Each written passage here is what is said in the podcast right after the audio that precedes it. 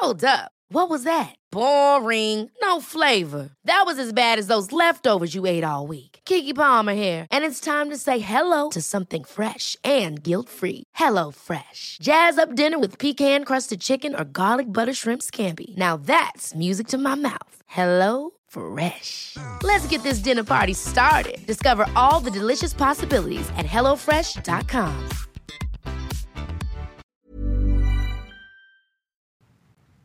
Halo, Assalamualaikum. Hari ini sudah masuk bulan Ramadan ya. Bulan suci, bulan yang dinanti-nanti umat muslim tentunya. Dan tadi malam udah pada terawih. Di sini rame banget tau yang pada terawih, kayak excited banget karena bulan Ramadan. Ah, sekalian aku mau ngasih informasi. Aku terpilih di kontennya Ramadan Hub dari Spotify. Ya karena ada kata Ramadan, jadi episode topik-topik podcast selanjutnya akan berkaitan tentang Ramadan juga. Jadi buat teman-teman yang mau request isi podcastnya, bisa melalui DM dan komen aja nanti di bawah. Anyway, thank you. Siapa sih yang gak excited di bulan Ramadan ini? Ya kayak tadi malam yang pada terawih itu banyak banget. Ya kayak sampai gak muat gitu persiapan-persiapan yang orang buat juga menghadapi bulan Ramadan ini juga beragam ya. Salah satunya itu adalah tentang memaafkan. Banyak kok orang-orang yang tiba-tiba ngechat, tiba-tiba datang ke rumah, tiba-tiba bilang, aku minta maaf ya udah pernah ini, aku minta maaf udah pernah dendam sama kamu. Aku minta maaf udah pernah ngelakuin kesalahan sama kamu. Banyak banget. Ya seketika bulan Ramadan itu emang bulan yang penuh berkah. Karena setiap permasalahan hidup itu kayak berakhir gitu. Tapi ada satu hal di mana kita kurang sadar. Kita fokus banget untuk maafin orang-orang. Kita punya banyak waktu, punya waktu luang untuk ngemaafin orang-orang yang menurut kita dia toxic banget di kehidupan kita. Salah gak sih kayak gitu? Enggak bagus banget. Udah di tahap bisa memaafkan orang-orang. Aku bangga sama kamu yang kayak gitu. Tapi aku lebih bangga kalau kamu punya waktu untuk maafin diri sendiri di bulan Ramadan ini. Loh emangnya aku ngelakuin kesalahan apa? Ya aku nggak tahu kesalahan apa yang pernah kamu perbuat terhadap diri sendiri.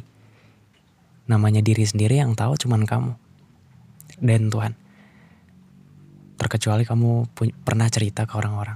Tapi kan pasti hal yang sensitif cuman kamu yang tahu. Tapi coba diintrospeksi. Ambil cermin atau handphone, buka kamera, lihat diri sendiri. Kesalahan apa yang pernah kamu perbuat? Gak usah jauh-jauh deh. Overthinking itu termasuk kesalahan loh. Yang namanya over kan, berlebihan. Berpikir berlebihan itu termasuk kesalahan loh bukan berarti overthinking itu hal yang bagus. Ada bagusnya kalau ada perubahan. Kalau enggak ada, ya tetap enggak bagus. Di bulan suci ini lebih ke memaafkan diri sendiri.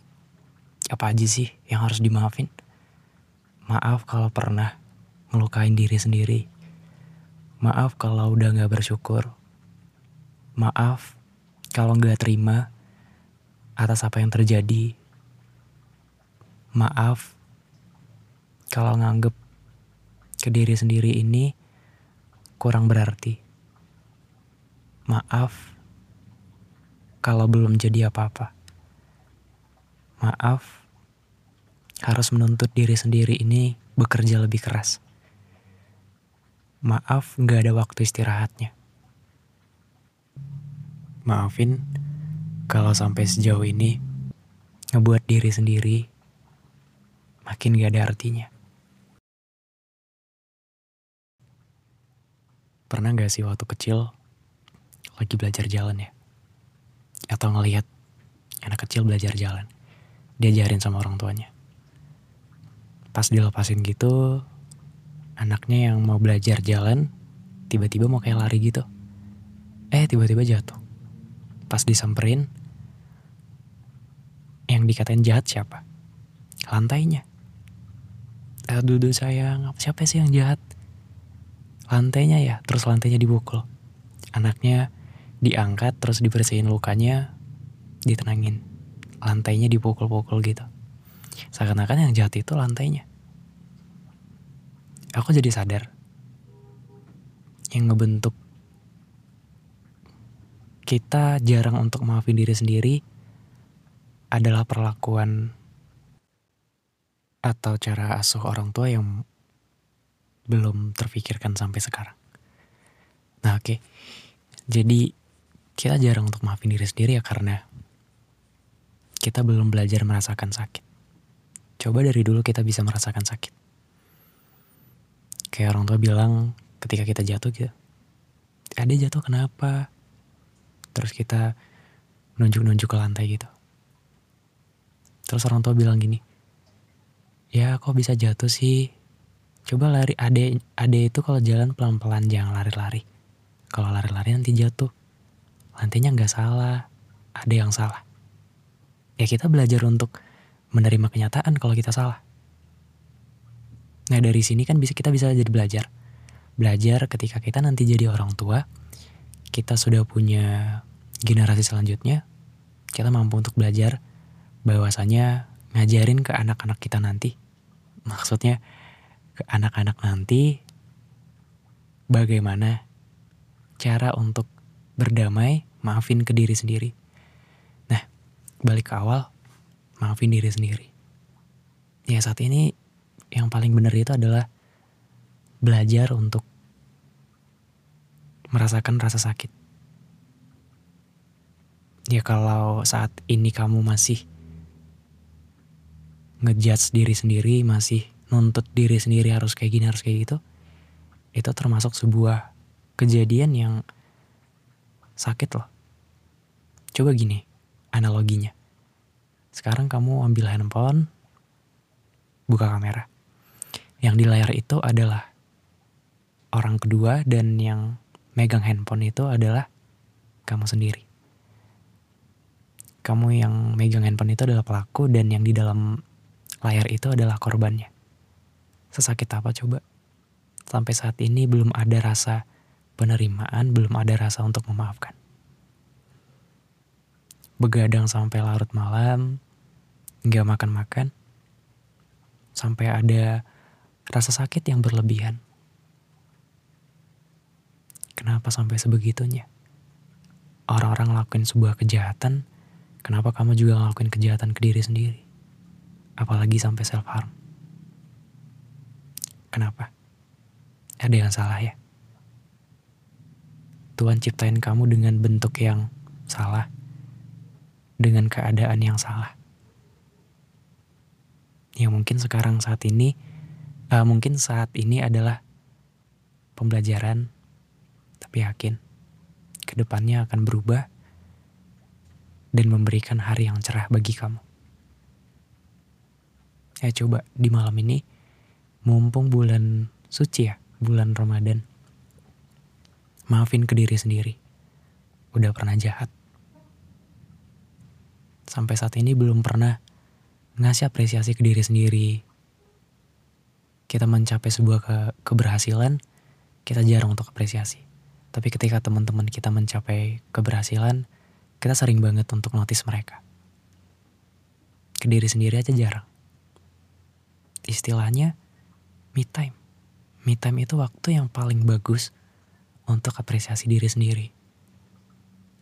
Jalan sendiri, nonton sendiri, atau nanti buka sendiri, cari takjil sendiri. Gak masalah. Yang penting bikin kamu senang itu adalah bahagia yang paling sejati. Oke? Okay? Maafin diri sendiri adalah kuncinya. Halo, Assalamualaikum. Gimana puasanya kamu? Lancar? Ada yang bolong gak? Oke, aku mau ngasih sedikit apresiasi buat kamu. Bukan tepuk tangan, bukan hadiah yang istimewa cuma apresiasi. Makasih ya. Makasih udah mau mengalah di keluarga. Makasih udah nurunin sedikit egonya kamu untuk keluarga. Makasih udah rela. Udah bersedia untuk tidak mendapatkan apa yang kamu inginkan. Demi kepentingan keluarga. Demi menghindari konflik. Menghindari pertengkaran di dalam keluarga kamu. Makasih udah menjaga keharmonisan keluarga kamu meskipun kamu mengorbankan diri kamu sendiri. Makasih, kamu luar biasa. Mungkin kita sering banget ya ngelihat seorang anak di keluarga yang bahagia banget. Jangankan anak, semua anggota keluarganya itu ngerasa nyaman. Mereka menemukan tempat peristirahatan, yaitu rumah mereka ketika mereka lelah dalam beraktivitas. Keluarga yang harmonis, keluarga yang hangat, keluarga yang lebih mementingkan kepentingan yang seharusnya diperjuangkan ketimbang egonya. Tapi ketika melihat diri sendiri, ketika berintrospeksi, bercermin, banyak kalahnya. Mimpi-mimpi yang selama ini ditabung, perlahan harus dikubur, perlahan harus dilenyapkan. Karena ego keluarga. Karena katanya ada yang lebih penting daripada diri sendiri. Ada yang harus lebih diutamakan daripada diri sendiri. Faham banget rasanya ada yang lebih diprioritaskan daripada diri sendiri. Sesakit itu rasanya. Padahal kita juga manusia biasa kan. Kita juga bisa ngerasain capek. Kita bisa ngerasain sakit. Kita bisa ngerasain apa-apa yang membuat kita ngerasa patah. Tapi keluarga selalu memprioritaskan anggota keluarga yang lain daripada diri sendiri. Padahal kan keluarga itu tempat kita untuk berkeluh kesah, tempat kita untuk menceritakan kejadian apa aja yang kita hadapi di luar. Capeknya kita ketika beraktivitas, ya keluarga yang paling utama. Tapi selalu saja ketika kita pengen bersuara, ketika kita pengen speak up tentang diri kita, tentang apa yang terjadi, mereka selalu tutup telinga, tutup mata, seakan-akan kita tuh bisa sendiri, kita tuh udah mandiri, kita tuh udah mampu untuk menaklukkan dunia ini. Padahal yang kita butuhkan kan cuma didengerin. Kita nggak butuh nasihat yang panjang lebar. Enggak. Yang kita butuhin itu cuma didengerin. Ya kalau mereka nggak mau ngasih nasihat ya silahkan. Enggak juga nggak masalah. Kita cuma butuh didengerin. Nggak lebih. Tapi seakan-akan mereka nggak mau denger. Ketika kita mau curhat juga, mereka bilangnya, kamu capeknya ngapain sih? Capeknya kamu tuh cuman rebahan, cuman ini, cuman ini. Capek apanya? Lihat tuh, dia selalu ada perbandingan. Pada akhirnya, ya telan sendiri. Kalau ada cerita apa-apa ya telan sendiri. Jangan ceritain. Karena kalau udah diceritain, kalau bukan perbandingan, capeknya kamu ngapain? Kayak gitu doang capek. Ya, kita mau gimana juga selalu dibatasin kan. Kita nggak diberikan kesempatan untuk melakukan apa yang kita pengenin kita selalu banyak ngalahnya di keluarga. Selalu banyak memendam apa-apa sendiri. Padahal yang paling utama di keluarga itu adalah memberikan motivasi, memberikan nasihat, ngedengerin cerita-cerita dari anggota keluarga, jadi support paling depan. Tapi yang kita dapat selama ini apa? Gak ada. Lebih sakit rasanya ketika yang kita inginkan selama ini ada pada keluarga orang lain. Yang kita pengenin selama ini ada di keluarga orang lain. Itu rasanya kayak ini loh yang aku pengenin. Tapi kok di keluarga orang lain. Kadang yang kita anggap kayak saudara jadi orang asing, tapi orang asing itu jadi kayak saudara sendiri. Paham banget rasanya. Ketika kita butuh bantuan dari saudara, mereka nggak mau tahu. Udah lo bisa sendiri, ngapain minta bantu. Tapi ada orang asing yang jadi sukarela untuk mengulurkan tangannya. Kamu butuh bantuan apa? Aku bantu ya. Orang lain loh, orang asing. Bahkan orang asing tadi jadi tempat kayak yang kita anggap sebagai keluarga. Ever catch yourself eating the same flavorless dinner three days in a row? Dreaming of something better? Well, HelloFresh is your guilt-free dream come true, baby. It's me, Kiki Palmer. Let's wake up those taste buds with hot, juicy pecan crusted chicken or garlic butter shrimp scampi. Mm. Hello Fresh. Stop dreaming of all the delicious possibilities and dig in at HelloFresh.com. Let's get this dinner party started.